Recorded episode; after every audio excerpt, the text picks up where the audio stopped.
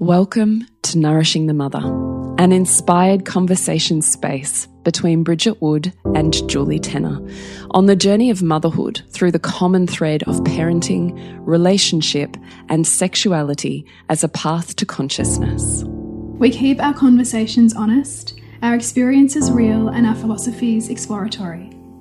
We believe that in order to raise incredible humans, we first have to raise ourselves. We know that in order to rock the family, you've got to nourish the mother.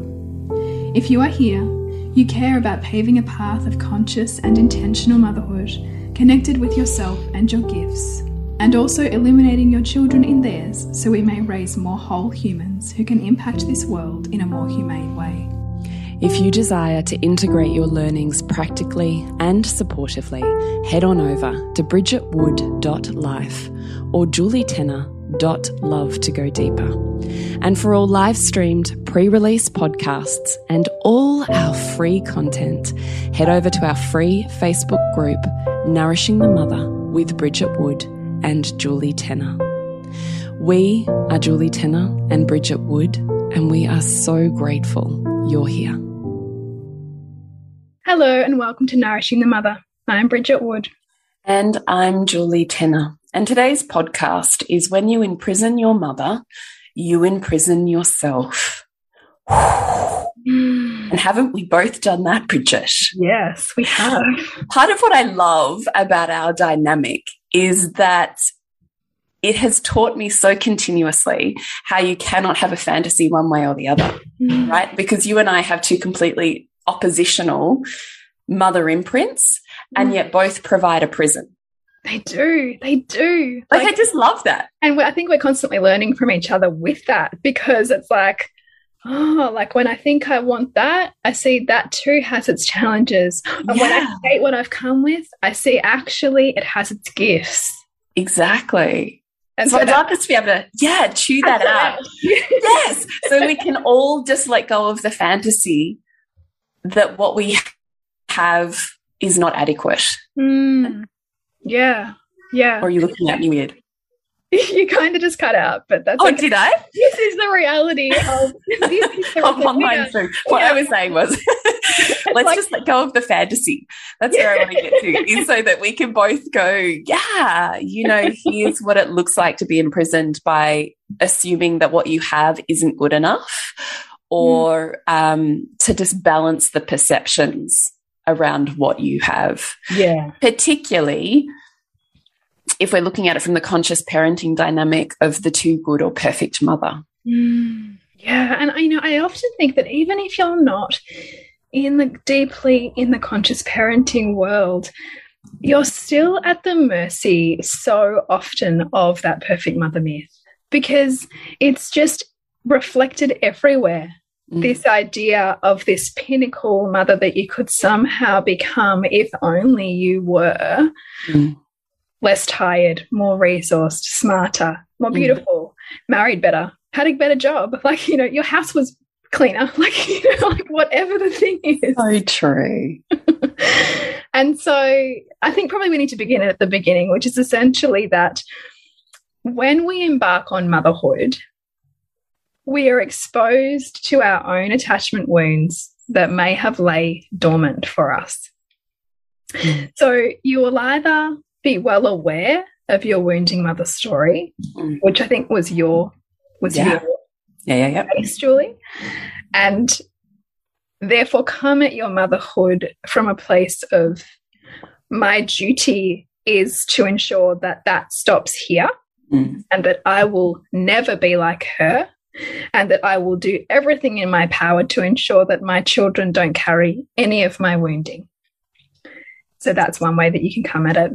Or the other way you can come at it is, yeah, I had a great childhood and like I'm close with my mom and yeah, like I'm just really excited to see where motherhood takes me.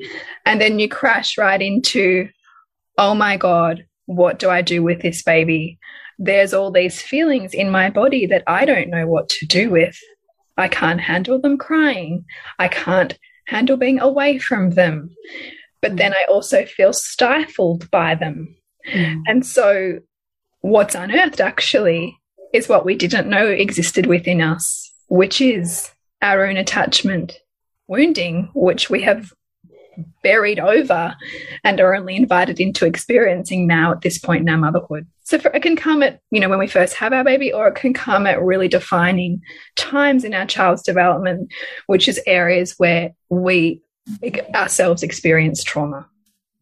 What do you mean by buried over? The attachment wounds that are buried over? So the way I see that is is that we can dissociate from we can find coping mechanisms through our childhood or through our life to not have to feel that feeling because we're either in humans in human behavior we tend to either run towards a feeling or mm. run away from a feeling and when you're pulled into motherhood and 24/7 parenting there's less ways to escape being with that feeling and the maybe numbing behaviors or distractions or, or other tools that we may have come to use to not feel that. So we bury it over with overachievement, with busyness, with codependent relationships, with food, with whatever that might be for us, until that thing no longer works and we need to face it. And so sometimes the journey into motherhood is what calls us to be with that in ways we've never asked of ourselves before. Mm. Yeah. Amen. Mm. So, because it endlessly fascinates me, can you do a little riff on what it's like to become a mother with the blueprint of a mother that you have on a pedestal? Yeah.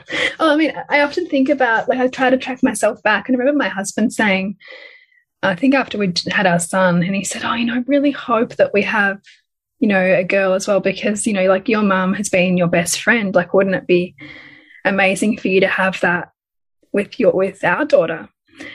And I was like, yeah, it's true. But what happens when you have such an a close relationship with your mother, you can also become enmeshed from the point of needing her approval because you've become so identified with who you are in the eyes of this mother that you look up to that without her approval or her acknowledgement or pride or support, you can be on shaky ground. And so, what happens is you then either lose yourself in that and subjugate your own responsibility to your mother and still need to be mothered in order to mother. So, you think she must have all the answers and you constantly fail and that you can't meet up to her. Or you look for ways to individuate, which, if you're not aware, can actually create um, walls up between you and her as a way to individuate.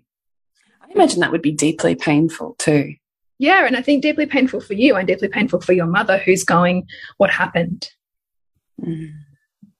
So, because almost like that infatuation that you perhaps weren't aware of becomes dangerous to your own selfhood, mm. it can flip into a resentment, which looks like, which looks like you couldn't meet me. I know my child needs more. Um, I'm wounded. I didn't get what I needed. I know that children need this.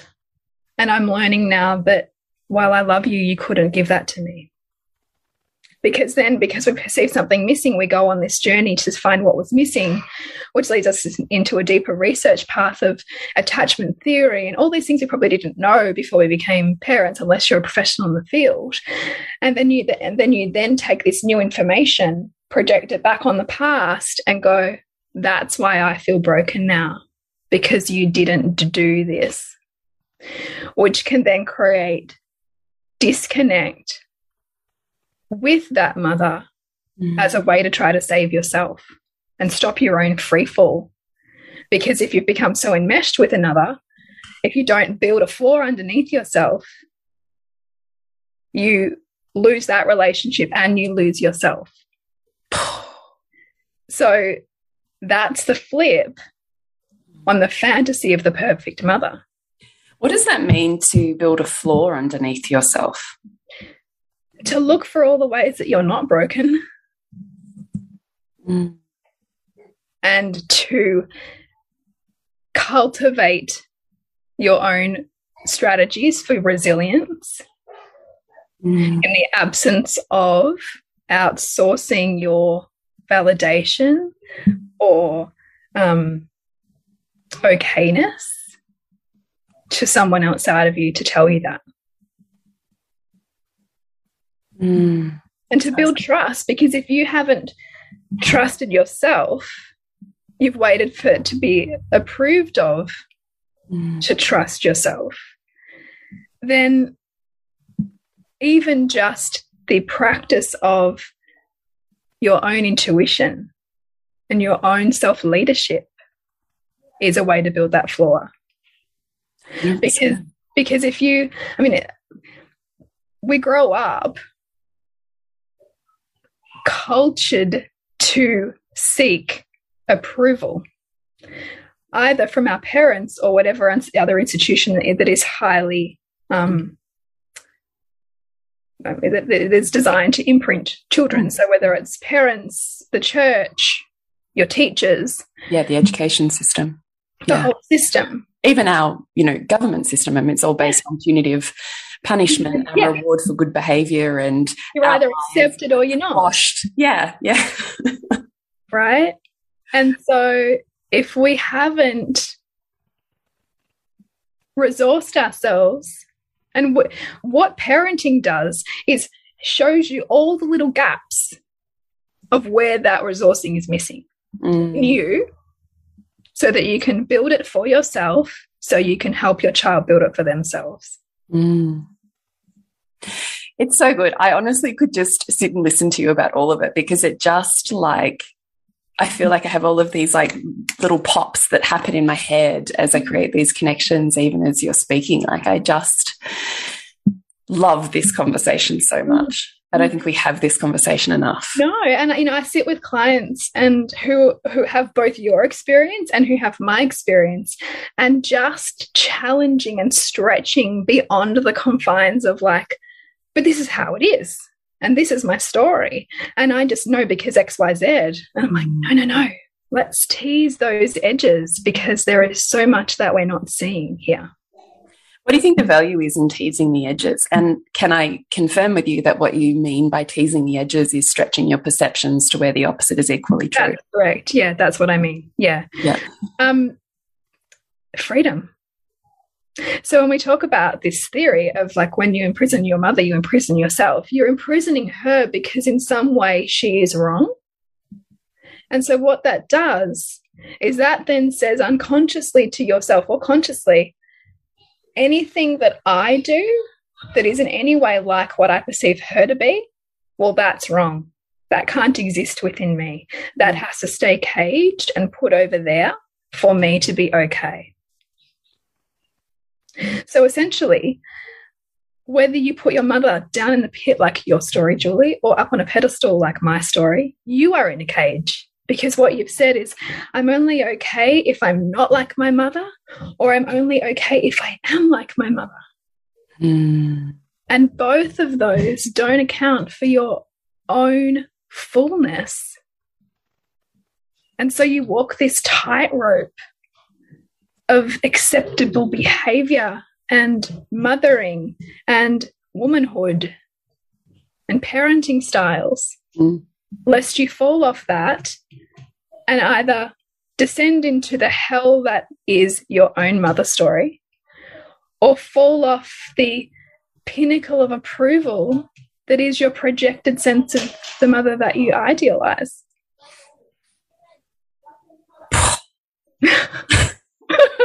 So true. right? Yeah. And yet, all our memories are doing, they're stored in our consciousness because we haven't got the full story. Every single thing that we remember now, we've held on to because, like in Inside Out, that cartoon, our consciousness has decided, nope, we're not ready to send that to long term memory yet. You still need that for your story that you're carrying. Mm. Whereas, in fact, every single memory is there for us to either draw on because it's part of our identity, or it's for us to see a little bit wider and understand and piece together the missing parts. Mm. The missing parts being that that dark mother that I deny within myself or that I want to discard also had a light that I couldn't that I can't see or could never see.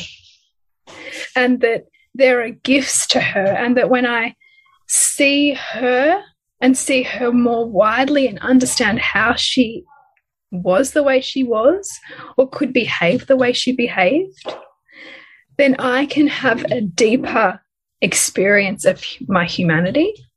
I can open my heart to more people because mm. I can see why she was how she was. Mm. And I get to unlock those pieces of me that I have said are not okay. And I may not perpetuate the expression of those things in the same way she did, because perhaps I've cultivated a toolkit for my parenting that means that they don't unleash on my children. Mm.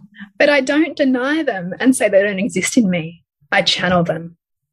I know what it feels like to feel like I want to unleash my rage, but I channel it. I don't say it's not part of me because I know it's part of me. Mm. How did you? I guess what I'm asking is, how did you see that the other side so the great and terrible mother existed in your too good and perfect mother. Mm. Like, how did you see that? Or I'm, I guess I'm even assuming in that. Did you or do you see that in her to the same degree that you know it to be in you? Yeah, I do now, but I have to consciously work at it because. What does that look like? Well, because I know that my I, when I feel like I'm having more challenging days, I'll be like, oh god, like a little bit like you and I do with my grandmother. Like, how did you like mother with like all these children, and how did you continue to wash and not hate everybody, and you know, yeah. like all of that. Which is even just fascinating in your lineage, though, isn't it? Yeah, yeah. Like it's almost like the polarity swing each time. You can see that mm. healing and seeking for homeostasis as well. Like I just even totally, yeah. So for those who haven't heard, my grandmother had twelve children was 39 when she had my mum. So my mum perceived a great disconnect between her and her mother and a lack of intimacy. So she then pursued uh, motherhood much younger and really forged a deep um, relationship with me, which is a beautiful relationship and which I'm grateful for every day. Um, but that then meant that I've then kind of gone and like tried to gather like what's also missing that I can feel epigenetically, right? but it then means that like when I hit edges, I'm like, God, like how did my mom deal with this? Or, you know, and then I'll have these senses, oh, because she did she didn't, because she couldn't, so she shoved us outside, you know, and so then it's me going, okay, I can feel this tension in my body, or I can feel what I want to do, which is like destroy what's around me. And then go, ah, oh, now I know she has both sides because I have both sides. The the switch flick for them just looks different because the values are different because we're different people, but we have imprints that are the same.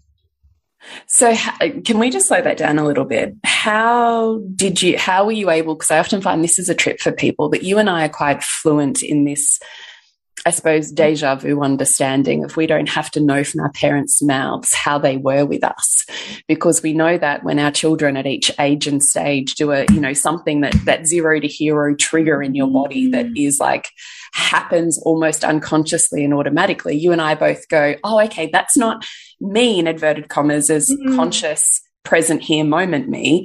This is a projection of a past hurt. And we both know that the psyche is such that our child is the literal representation of how we presented in this unhealed wounded memory. And therefore our psyche instantaneously has reconciled that's what it looks like to be the victim. That's what it looks like and feels like to be the person in power, which is what you want to be because that's the perceived panacea at moment. Are you yeah. having trouble hearing me again? No, no, it's all You're good. Okay. A little break. Okay. People, please be patient. We are in lockdowns, so oh, I'm sorry. Twigs slightly, but okay. I am sorry for anyone who who you know really struggles with poorer audio quality. That is a problem if you are a big audio podcast yes. person. We so just on like pod, what are we on lockdown? I, I say like lockdown day eleven hundred because it just feels so many. it really does. It really does here in Melbourne. Mm. Anyway, so you and I both understand that these moments of deja vu are not what is present for you, for for us and our children as you know conscious humans in this moment, but in fact a moment of the past playing out in this moment. We don't have to know from our parents how they were because we literally become them in, our, in these moments where our children become us. Yes. This exact same moment. So you and I have that framework. We know it to be true. We've seen it to be true, all of the things. Mm. But that is something that is often missing for people. So how did you do that reconciliation in your own brain between oh my gosh, you know, my grandmother who did everything and my mother who was so compassionate and gentle and beautiful and forged this incredible relationship. How were you able to, I suppose, in a way, dismantle that to know that to be true of her in these moments where you're feeling it in you? Do you know what I mean? Yeah, because, yeah, but, and ultimately, I think part of that is, is, deconstructing the fantasy that I had projected in my mind of her one sidedness to recognize that for my own survival, I cast out the parts of her that were like me when I get like that mm. because they weren't safe to hold in my memories. So I've, in order to forge perhaps my value of motherhood, in order to perhaps forge my value of relationship, I've carried a story to perceive that this is the ideal mother or this is how you mother. And because I also didn't see my mother consciously process feeling and hid feeling largely, like would numb, would repress, which came out in like chronic fatigue for her and you know like other like irritable bowel and you know her body would do mm. her body would would respond to her repression right mm. and so i think i intuitively knew that but so for me now it is like a conscious conscious process of making anger okay because anger wasn't really okay. Like my I see my mother struggle with the spaces that I hold for my children now, and she can't be in them mm. because anger was not okay. So then that also helps me balance the perception of the all present, gentle. Mm. She could hold what she could hold. She could be with what she could be with, and we all have a limit. Mm. And we all have, and this is why even in families, when you know women will struggle with what their partners can or can't meet. I just say we can all hold what we can hold. Mm. And we will build our capacity if we value it enough. So I know that my husband doesn't want to sit there and hold space for big feelings. But man, he plays like a mofo. He's amazing. Mm. And so, just like my mother possibly wasn't wired to meet the level of anger that I potentially expressed. So she either distracted me, sent me somewhere to be with it, removed herself, whatever she did with it, I don't consciously recall. But she did what she could do with what she had. Mm. I think part of our healing comes from recognizing that. And that it's only the longer that we parent and the more edges that we take ourselves to or be are taken to that we are then offered an opportunity to have more grace for our own mother's experience. Yeah. So part of seeing the other side of her for you was being able to see the other side of yourself yeah. and overlay that onto the philosophical understanding that we're all things. Is that yeah, correct? That's right. And, and to see that when I feel like the, you know, the edges of like rage that can come up and to notice what I want to do with that, like the animal in me who wants to attack, like know that feeling in myself and then go like, or, or want, you know, that part of me that wants to punish as a way to feel vindicated for like me, the animal being backed in the corner and, you know, like fighting for my life. Yeah. To then go, whoa, like this feeling's feeling bigger than me right now. Like this feeling feels like I'm no longer in control of myself, which then when we no longer have control and our trigger is so big, the further away we are from truth. Mm. Because it's so incredibly polarized. We're only seeing this situation this particular tiny way because of what we're bringing to it. So, the more and more times I think you get taken to that and you notice what that is for you, the more when you also bring in like repair with your child or you work on the embodiment of moving that through your body as opposed to pushing it down or making it wrong or guilting yourself and trying to kind of make up for your to your child because of your own fallibility. You then start to go oh, okay like this is actually like an, an a focus or or a, a way for me to break my own fantasy on myself mm. is the more that you hold this one-sided vision of who you are as a mother that you can only be that sliver of a woman the more that all the parts that you deny build strength and have to come out as a way to break your infatuation with yourself as this one way. It's like you feed that beast the more you deny that beast's existence. Mm. The more acceptance we have for ourselves, the more acceptance we have for our mother, the more acceptance we have for our mothers, the more acceptance we have for ourselves. Mm. We're just interrupting our podcast briefly on when you imprison your mother, you imprison yourself to let you know what we've both got going on at the moment. So, Bridgie, what have you got going on? Coming up is Disrupt Revealing the Mother Wound, which is all about helping you pave a pathway of your own motherhood that is deeply authentic to you and like a cord cutting to the stories that you come with, which is really the pathway to much more enlivened and connected motherhood. So that's coming up really soon. Invite you to connect with that at bridgetwood.life. And I have Sanctum coming up on the 20th of September, which is a five week space holding and circle facilitator training. And you can find out more at julietenner.love. And so when we True, take them out of the cage, we take ourselves out. Yeah. But not only, and the thing is, even if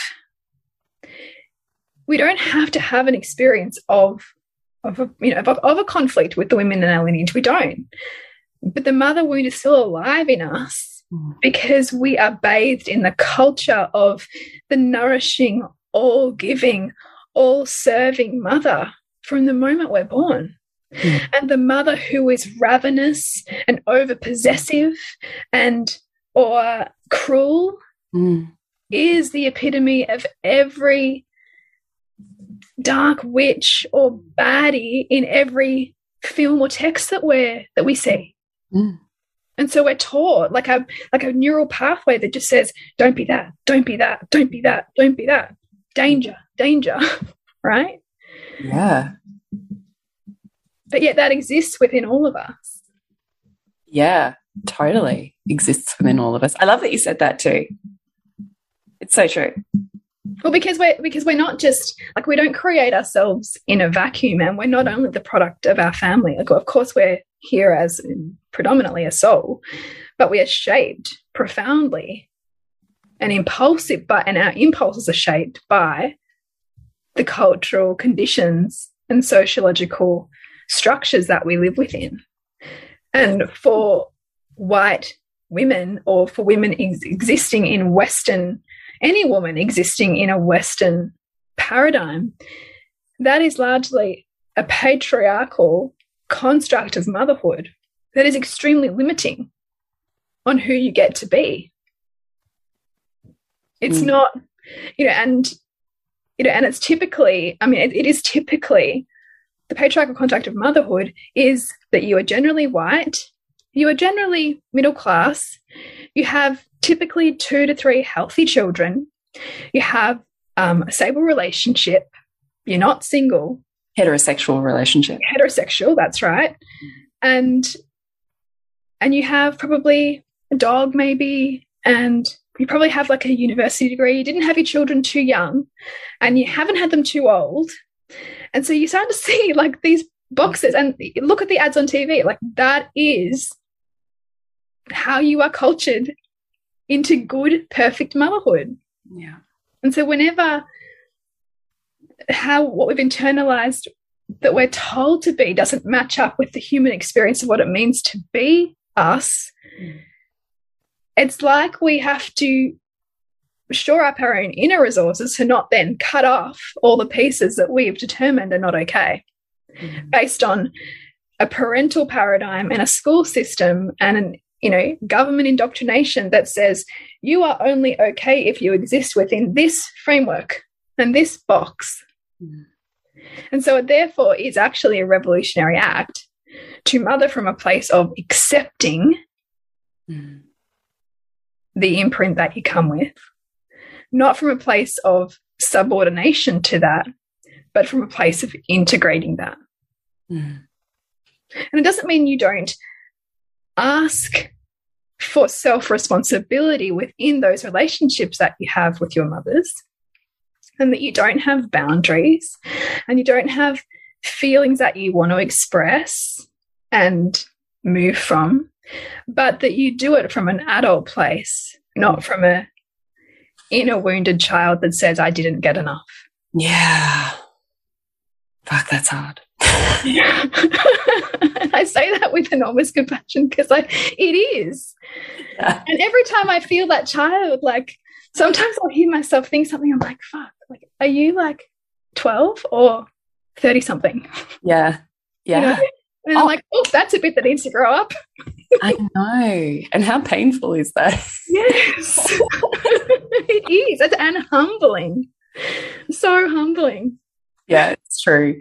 I really think, you know, that's happening anytime you're like playing out that fantasy conversation in your own mind.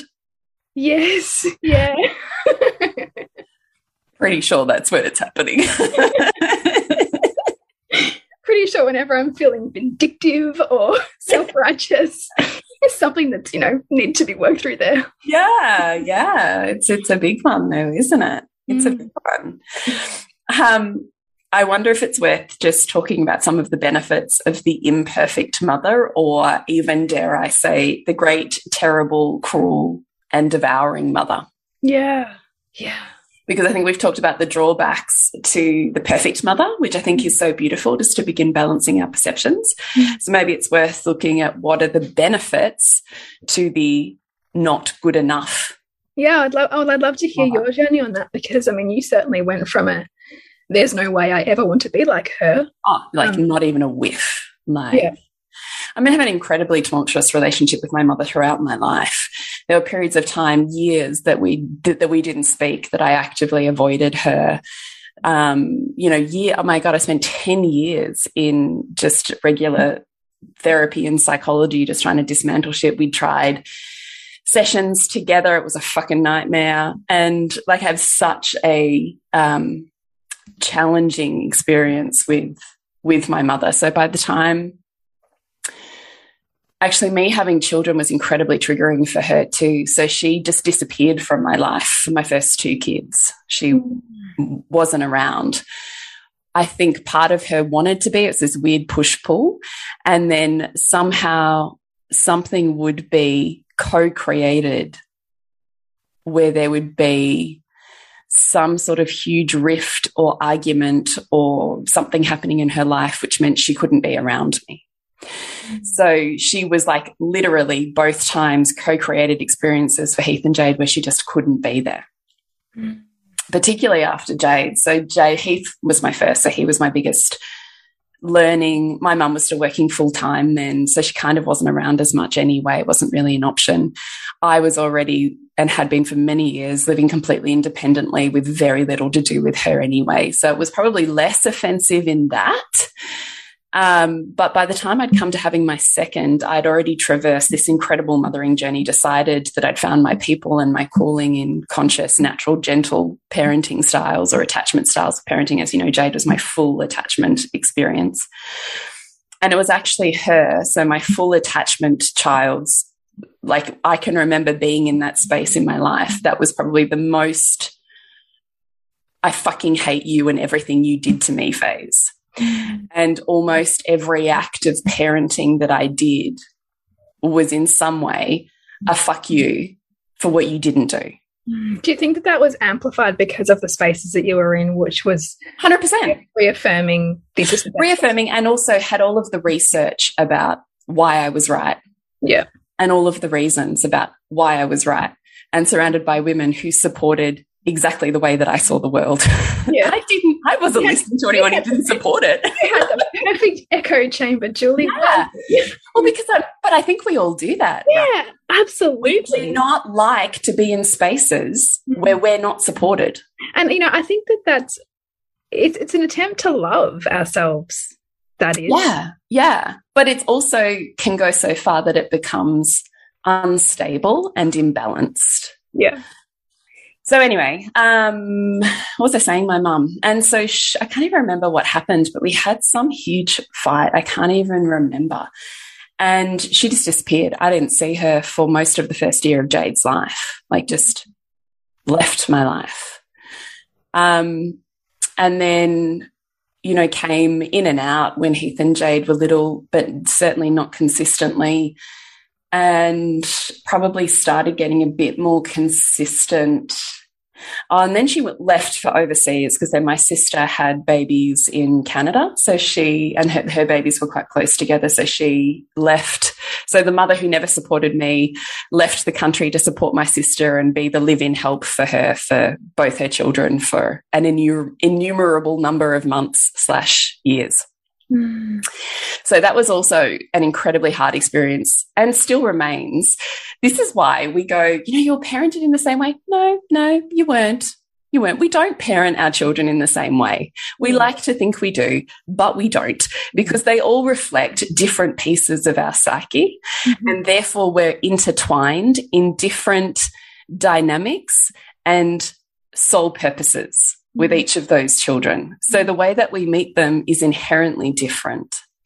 And if you're in families where there's cycles of abuse, often there's one child who will take the brunt of that or absorb the brunt of that, put themselves in the forefront of that danger, in inverted commas, so that younger siblings generally that they're being protected. So I can certainly see that that was the role that I cast myself into mm -hmm. and that my mother cast me into. So my sister always had a much better relationship with my mum than I ever had. And that was one of the hardest things for me to reconcile because I could not understand, could not understand how she could be around my mother mm -hmm. when this was the experience that I'd had and I couldn't be around her. Anyway, so it's been a deep and complex experience with my mum and still remains the relationship that provides me with the most pain on an almost daily basis. so I have the best relationship with her now that I've ever had in my entire life. But I can completely see it's a relationship that has conditions. Mm. It's completely conditional. And I, I also want to say too, like that actually may be exactly what you need in order to exist with a level of wellness and well-being.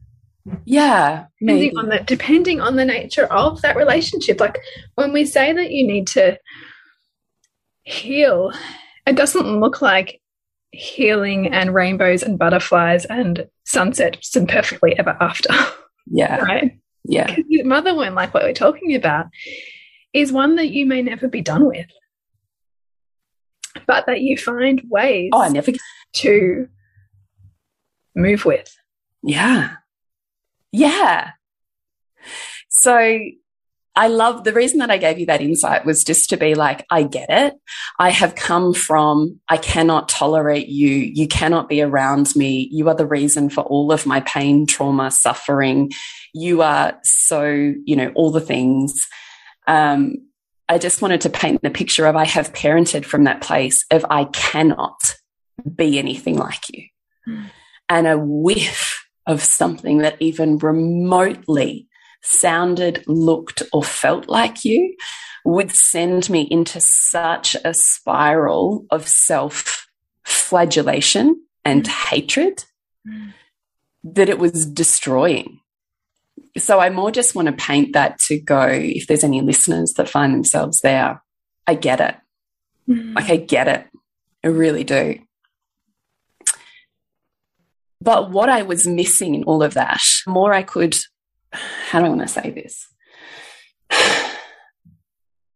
because I completely resonate with what you're saying, Bridget, which was how do I see this other side? And I see this side of me that is cruel and um, likes to punish and enjoys power over mm. and has an edge of danger where she could be the complete and total destroyer of all life, including the life of her offspring.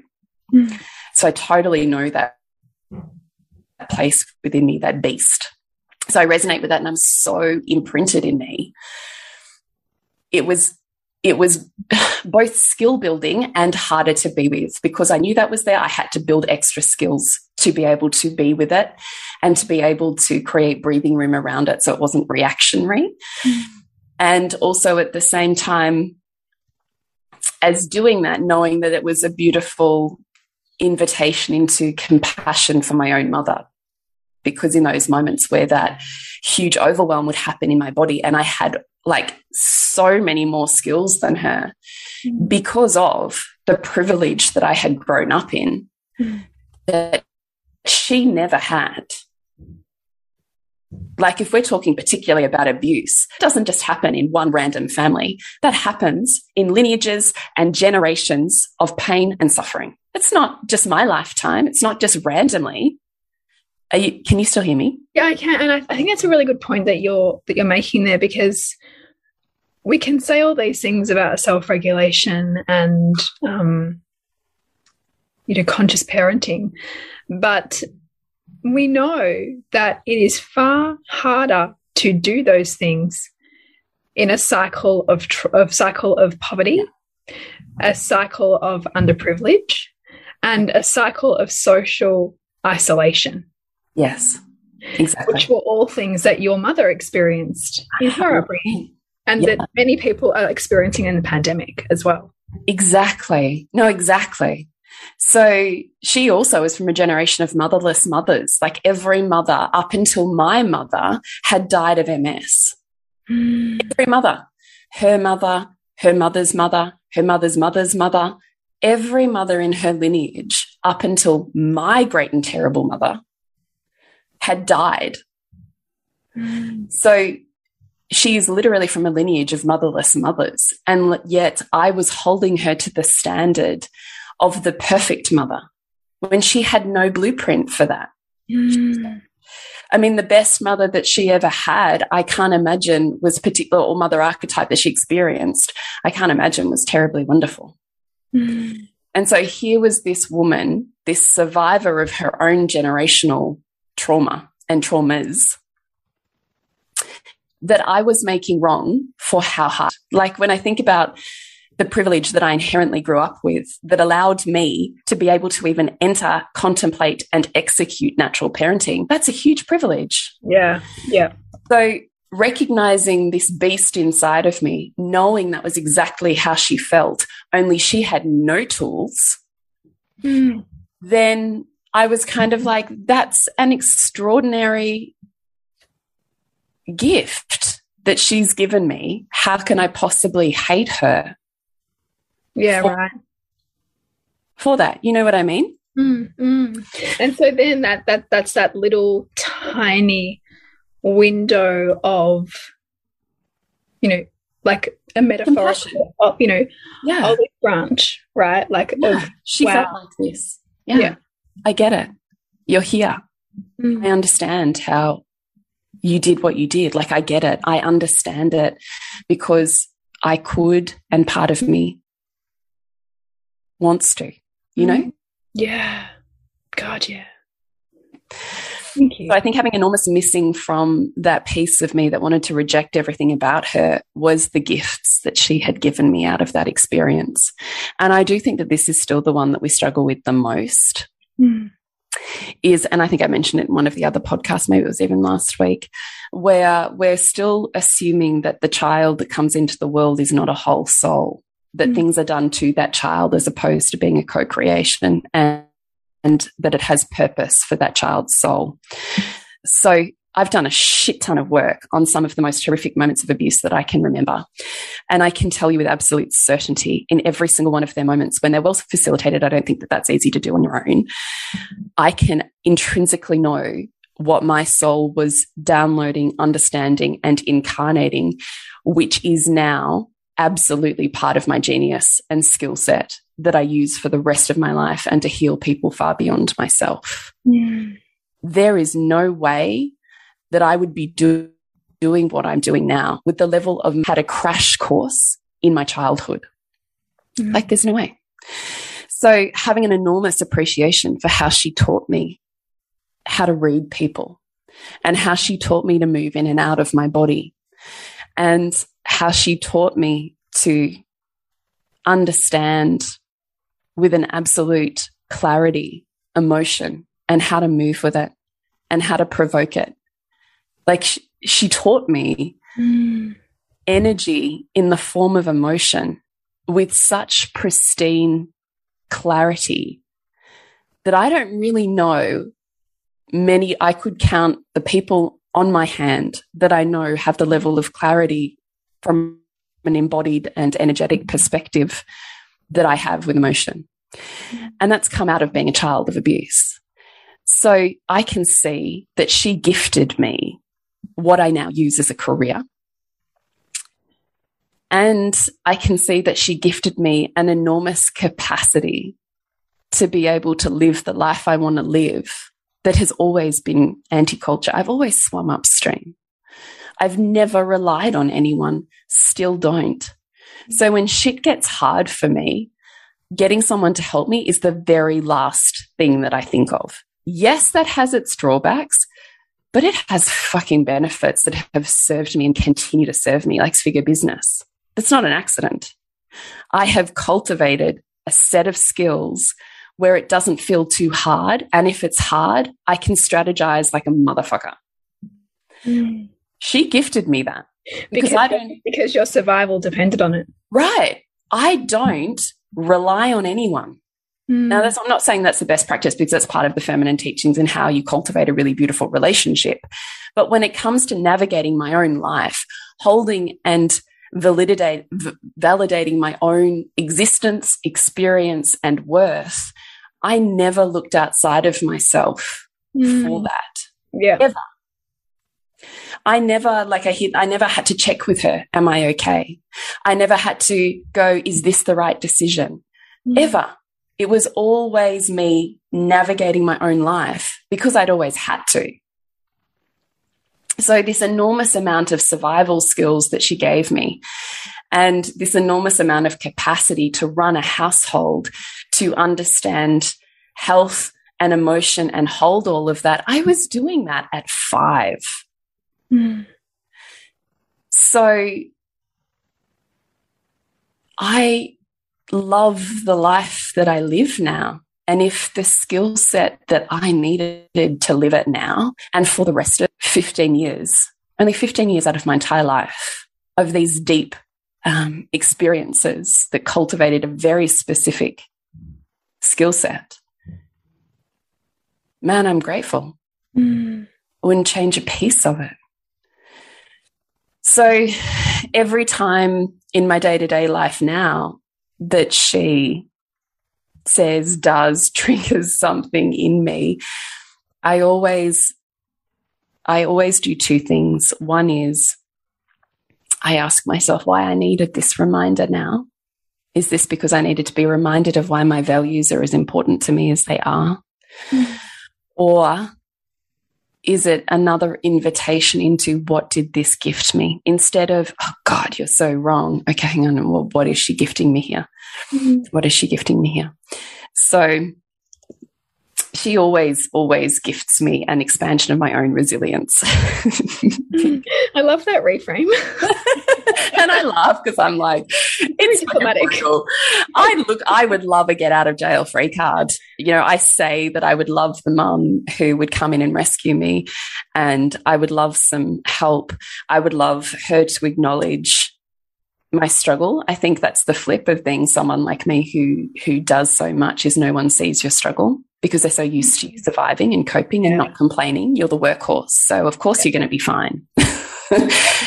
so I do think that I would love that.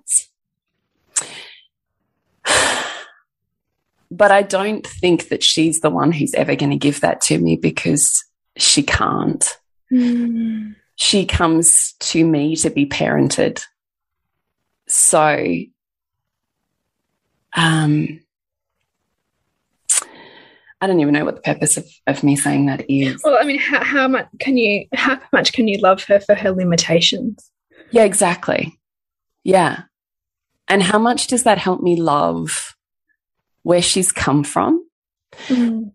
And that my children are the first children in my entire lineage, parents that have a strong relationship, the first ones.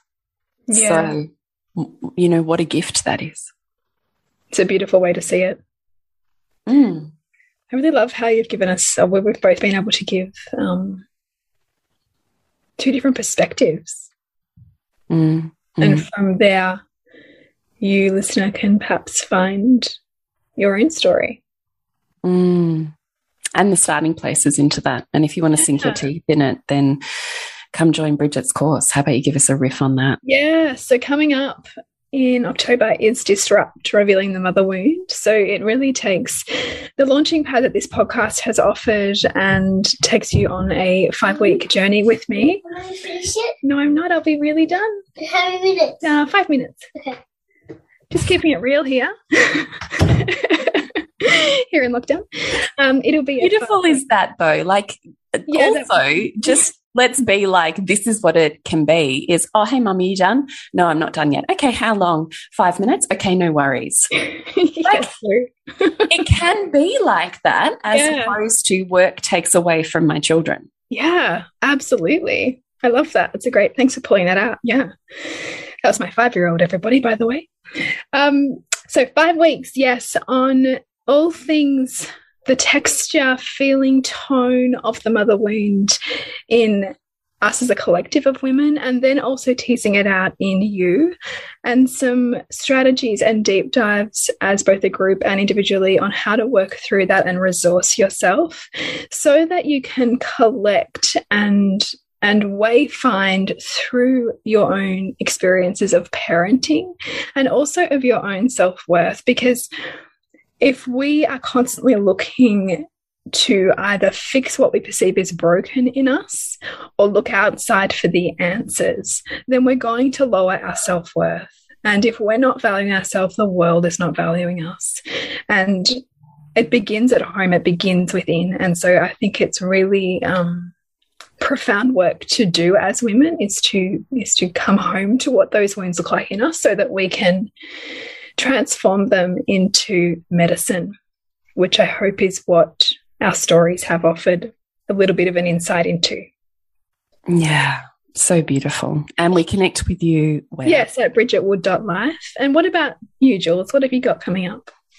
I'm running Sanctum, which is a space holding and circle facilitator training five weeks with me beginning September 20. There's only 24 spaces available for that. So if you would like to have a look, go check it out at julietenner.love. It's called Sanctum. Beautiful. It'll be amazing. So to connect with us, you can go to nourishingthemother.com.au to watch our podcasts live streamed. You can hop onto Facebook and find our free group, Nourishing the Mother with Bridget Wood and Julie Tenner. And remember to nourish the woman to rock the family. And we'll see you next week when we continue to peel back the layers on your mothering journey. Thank you so much for listening. We literally couldn't do this without you. Please share this podcast with anyone you think it would be medicine for. If you desire to integrate your learnings practically and supportively into your life, then head on over to bridgetwood.life or julietenner.love to go deeper. And if you feel like giving back a little to this free content, please rate us on iTunes or Facebook, all of which helps the podcast reach more mamas who need this type of tonic for the soul.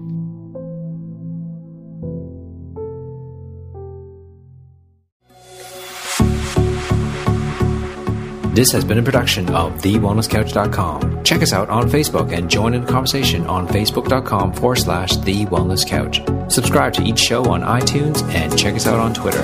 The Wellness Couch, streaming wellness into your lives. Whilst the Wellness Couch presenter endeavor to provide accurate and helpful information to their listeners, these podcasts cannot take into account individual circumstances and are not intended to be a substitute for health and medical advice from a qualified health professional. You should always seek the advice of a qualified health professional before acting on any of the information provided by any of the Wellness Couch podcasts.